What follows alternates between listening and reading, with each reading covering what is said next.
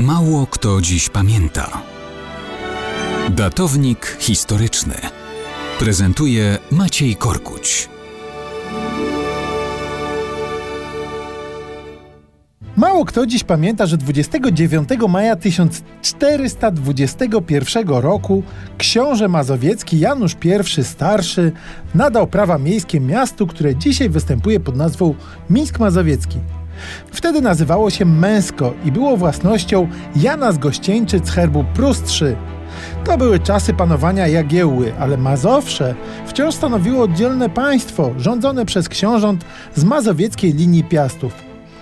Wcześniej był taki czas, że książę Janusz nawet myślał o polskiej koronie na swoich skroniach.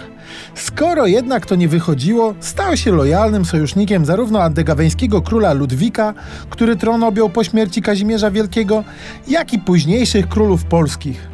Uznał bowiem prawa do tronu Jadwigi, był też wsparciem dla jej męża, Władysława Jagiełły. Nie było to takie oczywiste, bo Janusz od lat był bardzo zainteresowany tym, co się dzieje na Litwie. Wszak jego żona była córką rywalizującego z Jagiełłą księcia Kiejstuta i rodzoną siostrą Witolda. Lojalność Janusza wobec Polski była przy tym źródłem napięć Mazowsza z Krzyżakami. Ci nawet w pewnym momencie porwali Janusza z żoną i synami do Malborka. Zwolniony został jednak po ostrej interwencji króla Jagiełły.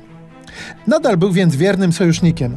Na czele wojsk mazowieckich walczył u boku Polski również pod Grunwaldem. A męsko? Nazwa z czasem przekształciła się w Mińsko, a potem w Mińsk. Ten dla odróżnienia od Mińska Litewskiego, czyli stolicy dzisiejszej Białorusi, z czasem nazywany był Mazowieckim. Cóż dodać? Władca porządny to i miasto, jak trzeba.